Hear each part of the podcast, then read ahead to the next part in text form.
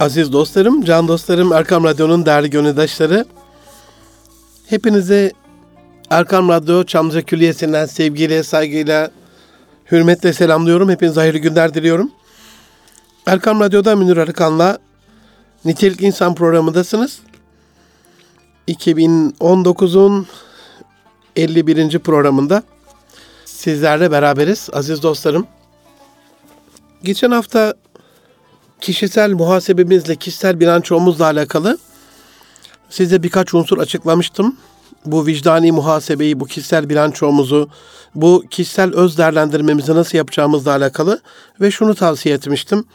Her 15 günde bir bir unsura değinerek kendinizi bir kontrolden, bir check-up'tan geçirebilirsiniz. 360 derece değerlendirebilirsiniz demiştim. Bu arada bize ulaşmak isterseniz aziz dostlarım yardımlarınıza ihtiyacım var. Yeni yayın dönemini Ocak aylarında e, ben tespit ediyorum ya da başlatıyorum kendimce kendi programlarım için. Dolayısıyla 52 haftanın konusunu belirleyip yönetime arz ediyorum. İşlememizi istediğiniz konular varsa, önerileriniz varsa, tavsiyeleriniz varsa, daha iyi bir bene ulaşmak adına, kendimizi gerçekleştirmek adına, daha iyi bir versiyonumuz olmak adına, iki güne eşit tutmamak adına, beşikten mezara ilmin yolcusu olmak adına her türlü önerilerinizi bekliyoruz aziz dostlarım. Nitelikli insan et erkamradyo.com e-mail adresinden ya da et erkamradyo ya da et Münir Arıkan tweet adreslerinden bize ulaşabilirsiniz. Aziz dostlarım, can dostlarım, gönül dostlarım, sesimize, sözümüze önem veren, radyomuza değer veren, bize zaman ayıran değerli dostlarım. Vicdan muhasebesi normal bir muhasebe gibi olmadığı için hesap vardır şeyin içerisinde, muhasebenin içerisinde. Ama insan da kendini seni sigaya çeken bir Molla Kasım gelir diyor ya Yunus. Kendini sigaya çekmesi, hesaba çekmesi, Allah'tan korkması, hayatım nereye gidiyor, feyne tezebun diye sorması, ölmeden ölmesi gerektiğini ancak bu muhasebeyle, bu vicdani muhasebeyle ortaya koyabiliyor. Kişisel bilanço adını da verdiğim bu çalışmayla hayatınıza 360 derece bütün boyutlarıyla bakabilmeyi ve her 15 günde bir hayatınızın bir önemli alanında iyileştirme yaparak, bir faaliyet yaparak, bir icraat yaparak gerçekten bir iz bırakmanızı, bu yıl yaşadığıma değdi mi? Baki kalan kubbede hoş bir seda bırakabildim mi? Bir iz bırakabildim mi? Bir gönle girebildim mi? Hani farz ibadetlerden sonra Allah'ımızın en çok hoşuna giden o müminlerin kalbine sevinç doğurabildim mi? Sorusunu sorabilmemiz lazım demiştim ya geçen hafta. Aynen o şekliyle attığınız taşın ürküttüğünüz kurbağaya değip değmediğini böyle bir muhasebeyle ortaya koyabilirsiniz. 15 günde bir bir faaliyet yaptığımızda mesela Ocak ayının ilk 15'inde sülalemizle ilgili, ikinci 15'inde ailemizle ilgili, Şubat'ta bedenimizle ilgili, ikinci 15'inde Şubat'ın sonunda fiziksel özelliğimiz, güzelliğimizle ilgili, Mart ayında birinci 15 gününde bilişsel, entelektüel, ilmi özelliğimizle ilgili, ve ikinci 15'inde Mart sonunda davranışımızla, amelimizle ilgili, çalışma şeklimizle ilgili bir şey yapmamız gerektiğini söylemiştim. Nisan ayında kalmıştık. Yaklaşık olarak aylar böyle tekabül etmeyebilir. Bazı aylar 5 hafta sürüyor. Bazı aylar 4 hafta sürüyor. Dolayısıyla bu her 15 günde bir yapıldığında 52 hafta işte 26 özellik sayacağım size. 52 haftaya tekabül ediyor. Aylar bazen birbirine uymayabilir. Aziz dostlarım, can dostlarım, kendinizi gerçekten bir muhasebeye çekip kişisel bilançonuzu yapmak istiyorsanız, gerçekten baki kalan kubbede hoş bir seda, güzel bir iz bırakmak istiyorsanız, en önemli alanlardan bir tanesi duygularınızı hakim olmanız. Dolayısıyla Nisan ayının ilk 15'inde duygusal hissi yönünüzle alakalı, duygusal zekanızı parlatmakla alakalı bir faaliyet yapmanız lazım. İnanın 2020 ile alakalı bu söylediğim özelliklerle ilgili sadece birer kitap okumuş olsanız bile yeterlidir. Çünkü 2021'de bir faaliyet daha yapacaksınız o dönem geldiğinde. 2021'in Nisan ayında da duygusal zekanızla ilgili, hissi özelliğinizle ilgili, duygularınızla ilgili, duygu dünyanızla alakalı 2023'te, 24'te, 25'te. Dolayısıyla 10 yıl sonra bu duygusal alanda 10 tane güzellik, özellik, haslet kazanmış olacaksınız. 10 faaliyet yapmış olacaksınız. 10 olumlu icrada bulunmuş olacaksınız aziz dostlarım. Bu da hem sizde olumlu bir duygu oluşturacak hem de duygusal anlamda sizi daha olumlu hislere kavuşturacak. İnsan olumsuz duygularının eseri ya da olumlu duygularının eseridir diyoruz ya. İşte aynen öyle. Duygularını yönetemeyen insanların psikolojik problemler yaşadığını biliyoruz ya. Biraz daha mutlu olacağımız, biraz daha öfkemizi yeneceğimiz, biraz daha ani parlamalara, patlamalara kontrol yapabileceğimiz, fren yapabileceğimiz bir tarza dönüştürmemiz gerekiyor kendimizi. Nisan'ın ikinci 15'inde yaklaşık olarak düşünsel, zihinsel, zihni özelliğimizle alakalı. Yüzlerce ayet-i kerimede akletmez misiniz, tefekkür etmez misiniz, düşünmez misiniz tavsiyesi, emri, sorgulaması boş yere olmasa gerek. Dolayısıyla tefekkür hani bir saatlik düşünce, kaliteli düşünce 40 yıllık nafile ibadetten evla ise gerçekten ameller niyetlere göre ise düşünsek bile sevabında nail oluyorsak düşünce gücü muhteşem bir güç olsa gerek. Zihnimizi berraklaştıran, parlaklaştıran, hem bunu sıra dışı düşünce adına, inovasyon adına, farklılık adına, katma değer oluşturmakla alakalı söylüyorum. Hem de pozitif düşünmekle ilgili, olumlu düşünmekle ilgili, olumlamakla ilgili, kendimizi negatif şartlamalardan kurtarmakla ilgili söylüyorum aziz dostlarım.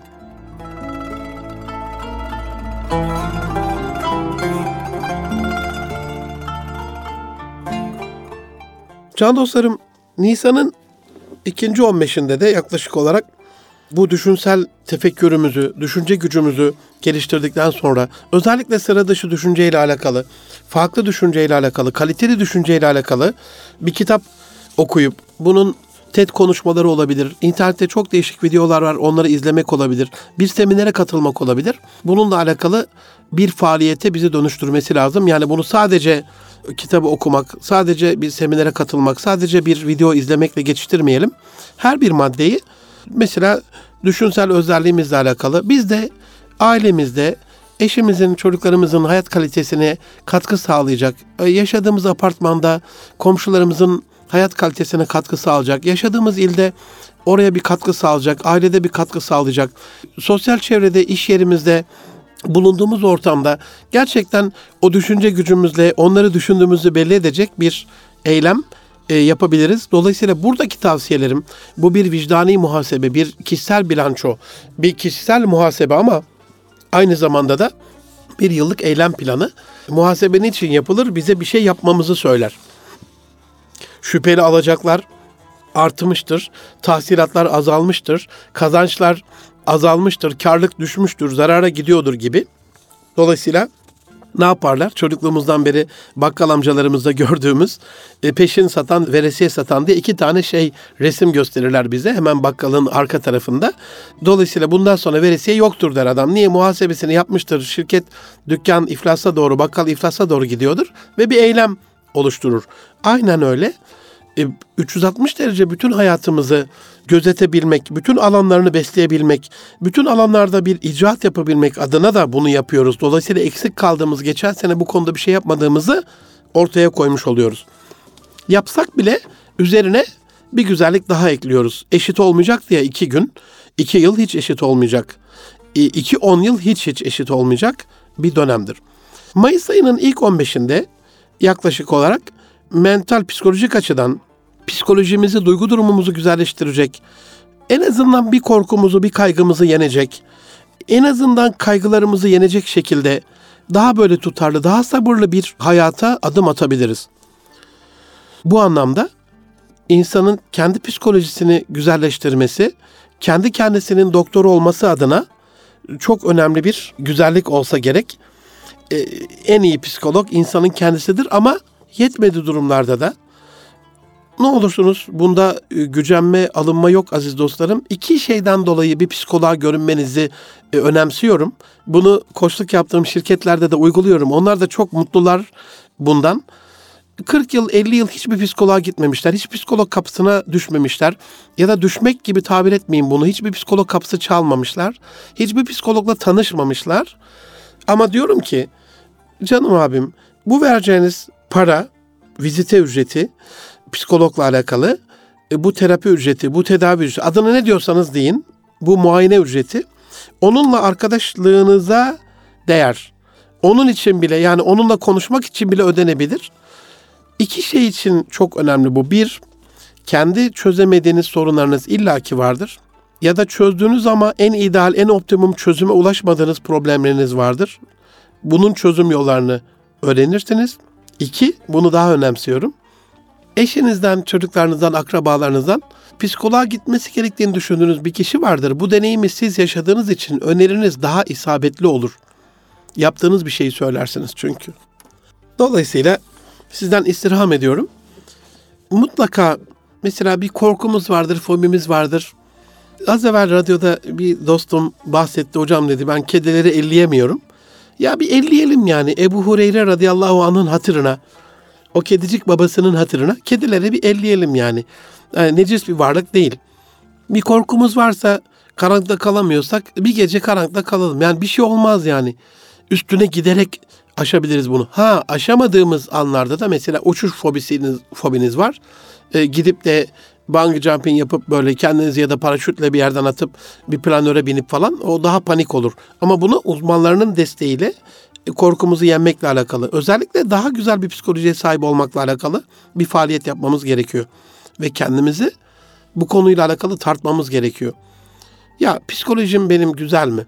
Olumlu mu? Pozitif mi? Sağlıklı mı? Sağlıklı bir psikolojiye sahip miyim? Ve 10. eylem olarak Mayıs'ın ikinci şeyine denk gelebilir bu ya da bu aralarda Haziran'a da denk gelmiş olabilir. Bazı başta söylemiştim ayların 5 hafta sürmesi, bazı ayların 4 hafta sürmesinden dolayı illa Mayıs'ın son haftasına gelmeyebilir bu. Profesyonel mesleki açıdan bir şey yapın. İş dünyasında Kore'yi çok öneriyoruz, e, gıpta ediyoruz, hayranlık duyuyoruz. Japonya'yı çok anlatıyoruz, çok çalışkanlar diye. Almanya'yı çok anlatıyoruz. Sabah cıvıl cıvıl her taraf ışıl ışıl. E, beşte beş buçukta kalkıyorlar diye. Yani profesyonel mesleki hayatımızda bugüne kadar yapmadığımız bir güzelliği katmış olalım 2020'de hayatımıza. Erken kalkmıyorsak erken kalkalım. Mesela sevdiğimiz işin ne olduğunu bulalım. E, kendimizi bir e, mesleki e, bir profesyonel check-up'tan geçirelim. Yeteneklerimizin hangi alanda var olduğuyla alakalı bir test yapalım. O işi bizden daha iyi yapan bir kişiyle tanışalım. Yaptığımız işi alın terimizi akıttığımız kadar akıl terini, gönül terini akıtalım gibi. Yani profesyonel açıdan, mesleki açıdan e, biraz daha bir kalite, bir tık daha kaliteli iş yapabilmekle ilgili bir hedef belirleyelim. E, eskiden Ahi Evran babamız vardı. Rahmet olsun Anadolu'da kalitenin, toplam kalitenin ilk kilometre taşlarını, yapı taşlarını, temellerini atan.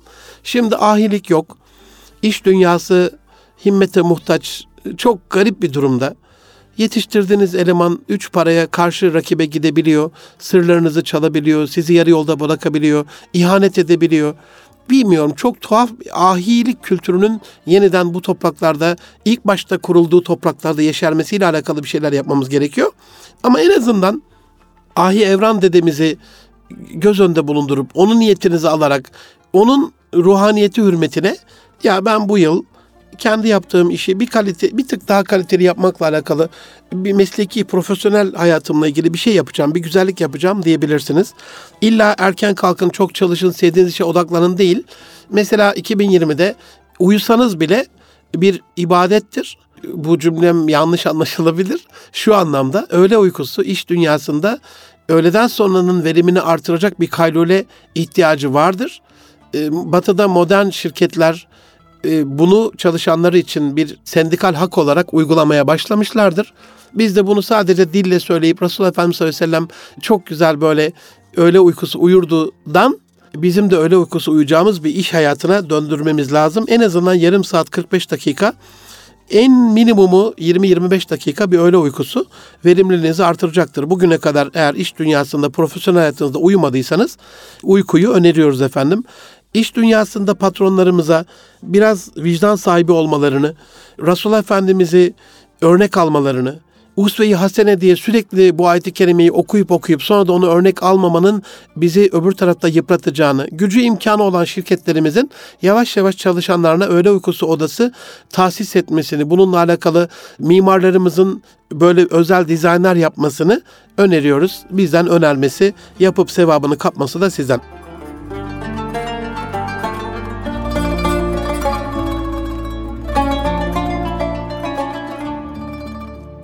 Aziz dostlarım, 11. maddede Haziran'ın ilk döneminde e, finansal maddi açıdan bir şey yapmanızı ve kendinizi özellikle bu konuda bu bir muhasebe olduğu için finansal açıdan hesaba çekmenizi ve bunu da tek başına yapmamanızı öneriyorum. Borçtan Kurtul Allah aşkına kitabını okuyabilirsiniz. Sevgili Ayhan Özden kardeşimin kredi ve kredi kart kullanımını sıfırlayabilirsiniz. En azından azaltabilirsiniz. Üç kartınız varsa birini bu yıl kapatacağım diye kendinize bir söz verebilirsiniz. Tasarruf için bir yere bir güzel bir pay ayırabilirsiniz. Bunun ne kadar yüksek olduğu önemli değil. Gelirinizin yüzde kaç ile alakalı tasarruf yaptığınız çok önemli. Yani küçüklükten beri dikkat ederim buna. Ben çok tasarruf yapabilen bir kardeşiniz değilim. Yapmadığım şeyi de size söylemekten haya ederim. Ama tasarruf yapan akrabalarım ve arkadaşlarım oldu. Onlara da imrenmişimdir. Hakikat şu aziz dostlarım babasından aldığı iki buçuk liranın 25 kuruşunu tasarruf edebilen, 50 kuruşunu tasarruf edilen bir insan bayramda topladığı o harçlıkları harcamadan yarısını bir kısmını tasadduk eden, tasarruf eden bir insan büyüyünce de iyi bir girişimci olup tasarrufu yapan, israfı önleyen bir kişiliğe dönüşüyor. Dolayısıyla çocuklarımıza en azından tasarruf alışkanlığı kazandıracak, onlara küçük küçük birikimlerini ileride daha düzgün şekilde kullanabilecekleri bir ortama dönüştürecekleri bir fırsat oluşturabiliriz. İlla kendimiz yapması gerekmez. Bunu çocuklarımızla ilgili, akrabalarımızla ilgili, çalışanlarımızla ilgili bir finansal check-up yaptığımızda bu da bir faaliyettir. Özellikle kendimizi hangi alanlarda daha fazla para harcıyoruz? Kesemiz nereden delik, nereden yamanabilir? Bu alışkanlığımız e, hangi esaretten geliyor? Marka bağımlılığından mı geliyor? Gösterişten mi geliyor? Riyadan mı geliyor? Kendimizi güçsüz hissediyoruz. Özgüven eksikliğimiz var. O logolarla, markalarla mı tatmin oluyoruz? Dolayısıyla o fütursuzluğumuzu yenecek, israfı önleyecek, bizi haramdan koruyacak bir muhasebe gerekiyor. Haziran'ın sonunda bu Temmuz başına denk gelebilir. Dediğim gibi tarihlere çok takılmayın. Ama 12. 15 günlük dönemde inancımızla alakalı inançsal, imani, manevi bir eylem yapabiliriz ve kendimizi sigaya çekebiliriz manevi açıdan.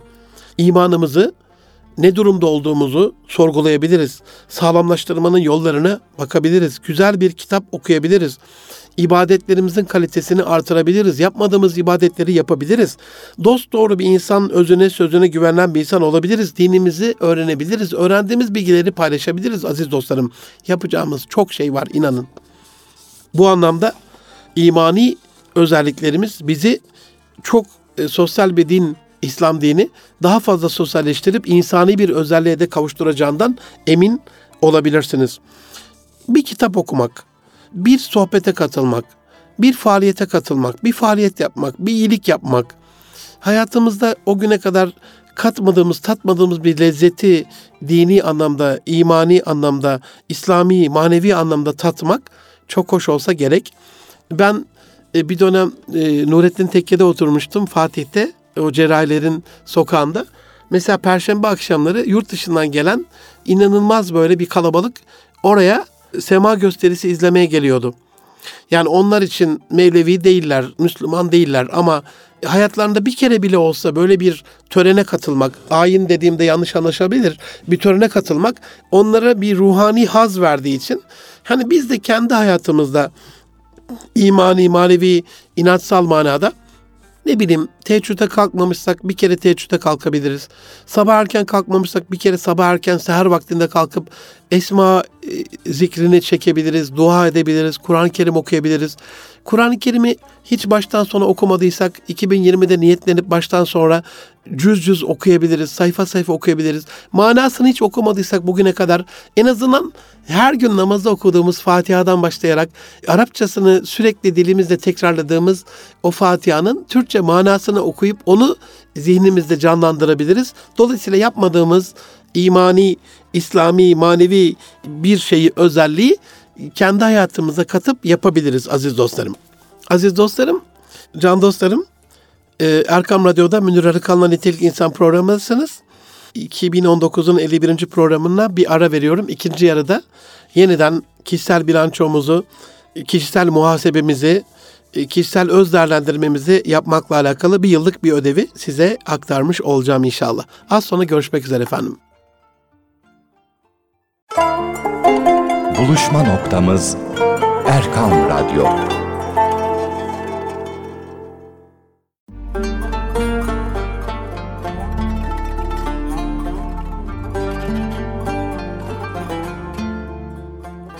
Aziz dostlarım, can dostlarım, Erkam Radyo'da Nitelikli İnsan programındasınız. 2019'un 51. programında kişisel muhasebemizi, kişisel bilançomuzu bir yıllık bir e, eylem planında bir hedef belirleyerek kendimize nasıl yapacağımızla alakalı programın ikinci yarısında aslında ikinci hafta bu. Geçen hafta birinci bölümünü anlatmıştım. İkinci haftanın ikinci bölümündeyiz sizlerle beraber. İnşallah kalan kısımda ne yapabileceğimizle alakalı e, bu eylem planını açıklamış olurum. Aziz dostlarım, en son inançsal, imani, manevi kısımda kalmıştık ve 6. ayı bitirmiştik böylelikle. 13.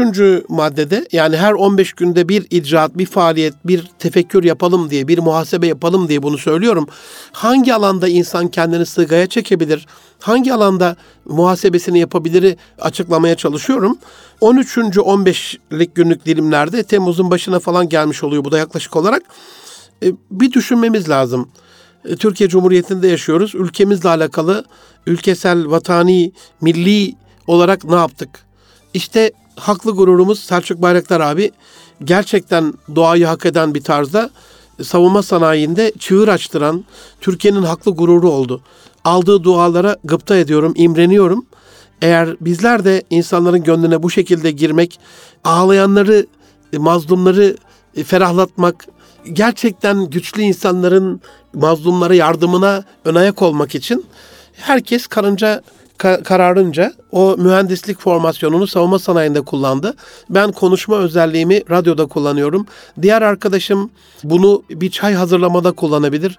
Diğer arkadaşım bir sokak süpürmede kullanabilir. Bir tanesi sınıfında öğrencilere yürek özetirken bir öğretmenimiz kullanabilir. Dolayısıyla herkes kendi fıtratı ve çilesiyle elinden gelenin en iyisini gerektiği şekliyle yaptığında kendini gerçekleştirmiş oluyor.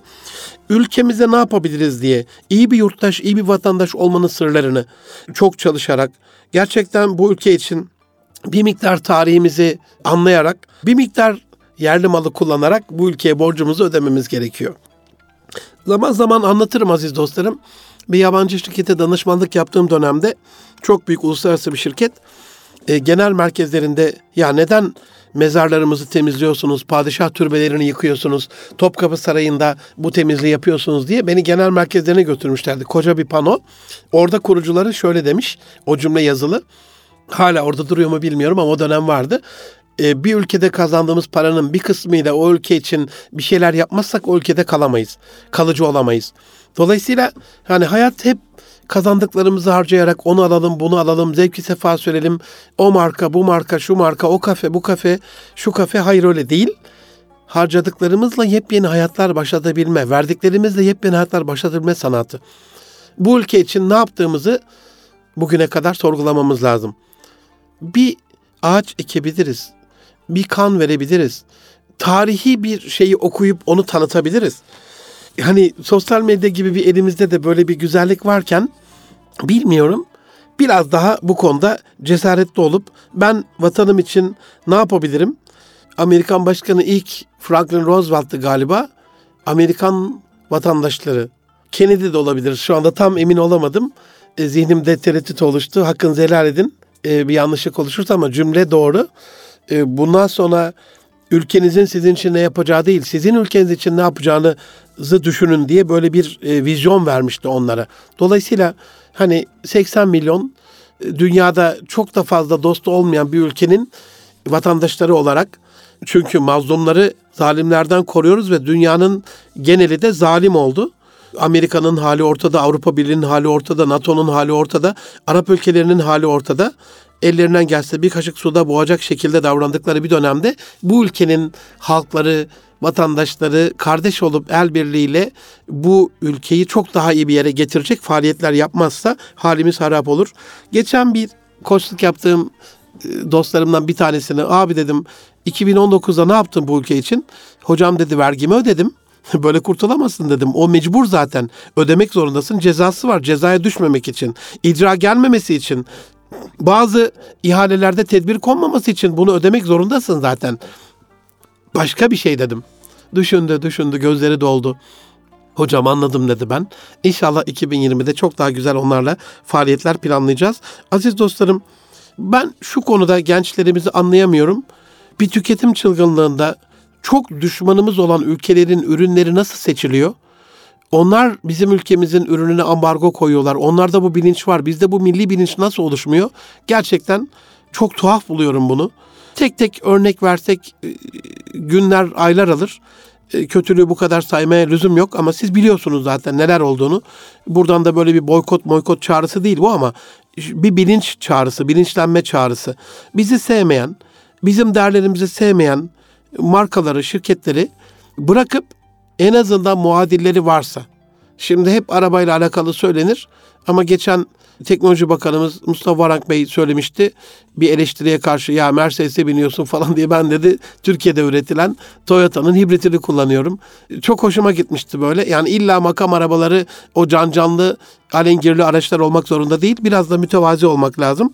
Yerli malı yurdum malı herkes onu kullanmalı diye ilkokul mottosu, ilkokul yıllarından kalan bir şey biz zihnimizde bilinçaltımızda yer etmiş. Ne olur yani biraz daha mütevazi olsak. Bu konuda e, yerli olmak, milli olmakla alakalı mesela gerçekten Gandhi'nin hayat öyküsü sadece filmini bile izleseniz nasıl İngilizlerin tahakkümünden ülkesini kurtardığıyla alakalı bir gerçekten milli bilincin zirvesinde bir şey görebilirsiniz.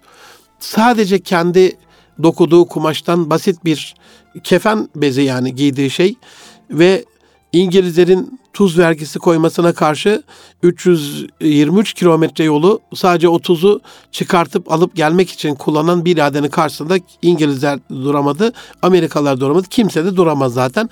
Bu anlamda birazcık yerli malına daha fazla ya inanın ben acizane şöyle düşünüyorum. Mesela ben acizane seminer veriyorum. Yurt içinde, yurt dışında koştuklar yapıyorum.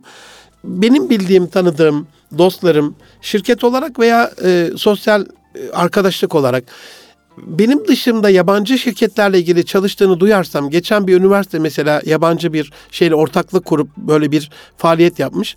Çok gücendim. Rektör Bey de çok yakın arkadaşım. Söylemedim de ama yani gücendim. İsmi bende kalsın buradan gıybeti olmasın. Çok üst düzey bir şirketimiz. Seminerlerimden çok memnun, koştuğumdan çok memnun. Bir yabancı şirketle anlaşma yapmış mesela. Hatır koydum, gönül koydum. Yani insan arzuluyor. Şöyle düşünün. Eski mahalle kültürünü düşünün. Siz bakkal açtınız. İleride de yabancı bir şirket var. İnsanlar gidip ürünlerini oradan alıyorlar. Yüreğinize dokunmaz mı yani? Ya elin yabancısını yaşatıyorsunuz ben burada ne yapıyorum dercesine. Yani yerli malını tercih etmemiz gerekiyor diye düşünüyorum yapabildiğimiz kadarıyla.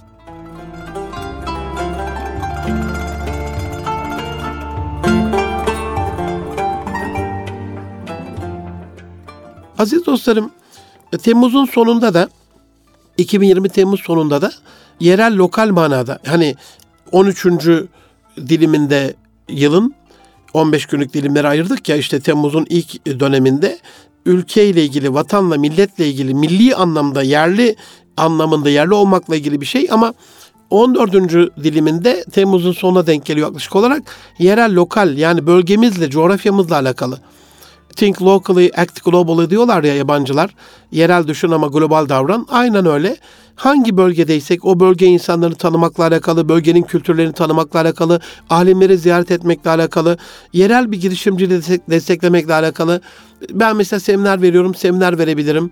Siz e, iş adamıysanız iş dünyasında e, orayla ilgili bir sponsorluk yapabilirsiniz. Bir teyzemiz yerel bir peynir yapıyorsa o peyniri markalaştırabilir. Ya da illa marka olmasına gerek yok. Yerel bir peynir diye bunun pazarlamasını yapabilir.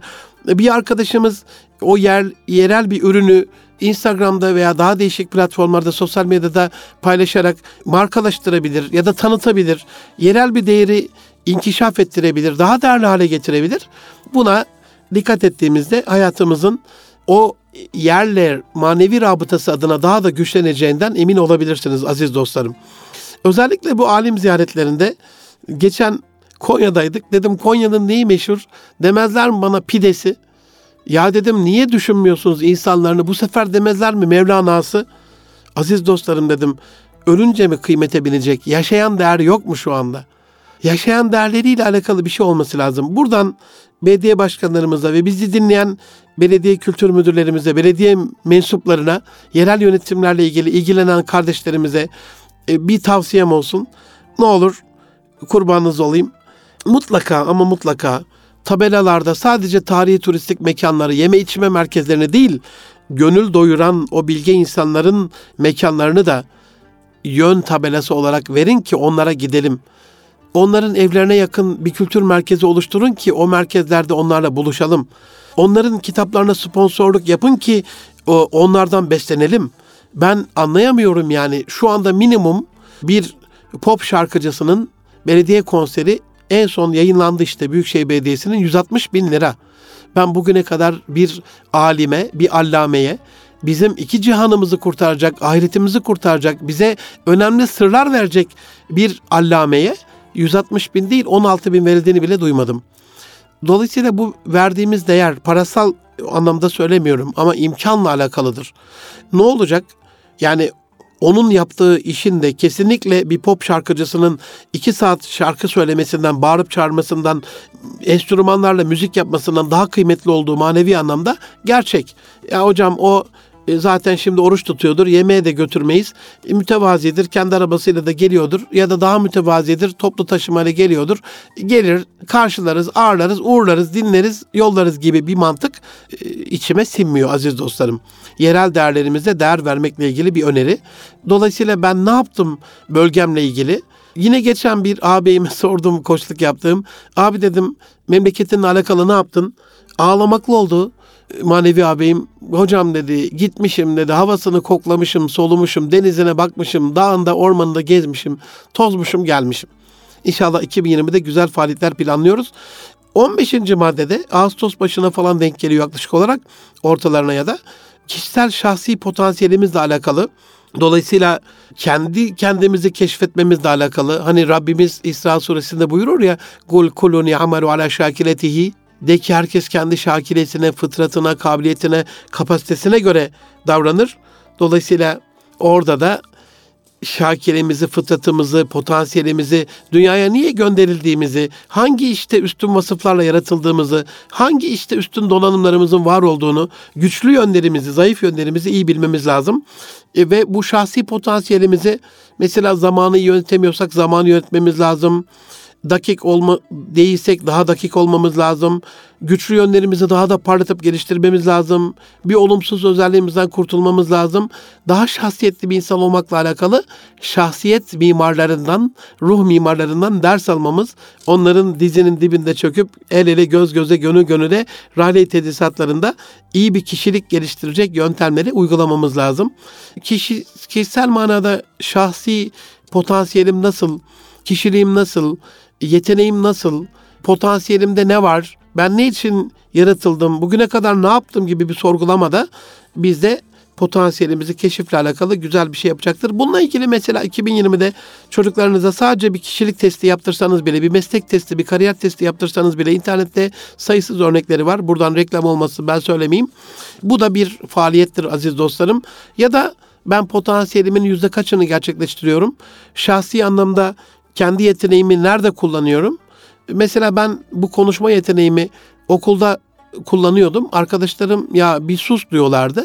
Şimdi olumlu manada size e, tebliğ ile ilgili, size e, paylaşımla ilgili kullanıyorum. Hocam biraz daha konuşur musun diyorsunuz. E, bu anlamda yerinde zamanında kullanmak kastıyla üstün özelliklerimizi bilmek bizi çok daha güzel bir hale getirir aziz dostlarım.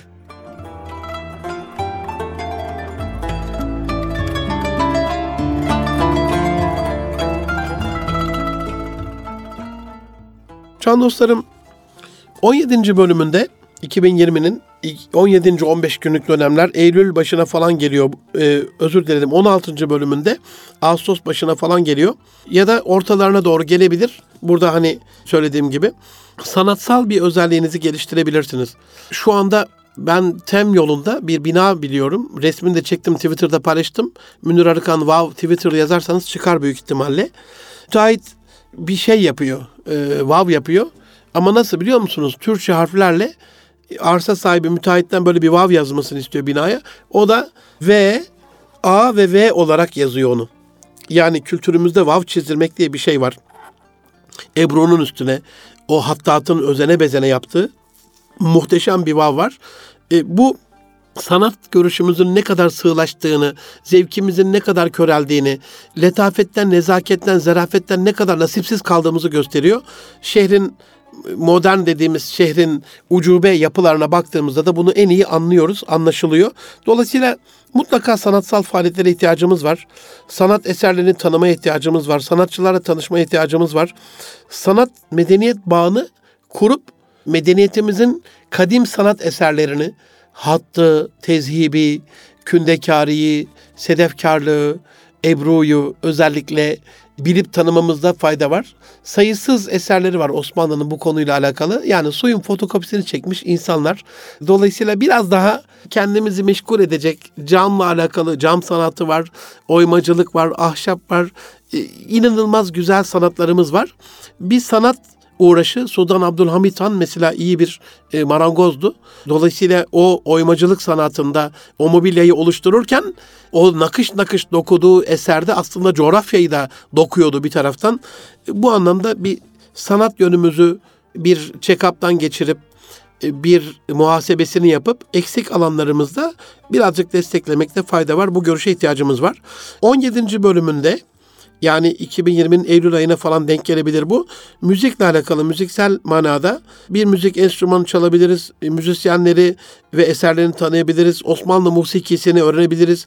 Müzik terapiyi öğrenebiliriz. Makamların insan psikolojisindeki yerini, önemini, değerini niçin her vakit ezanının farklı bir makamda okunduğu üzerinde kafa yorabiliriz müzik ruhun gıdasıdır derler ama hangi müzik? Dolayısıyla orada da musiki şinas bir kişiden sevgili Ender Doğan ağabey gibi kulaklarını buradan çınlatalım.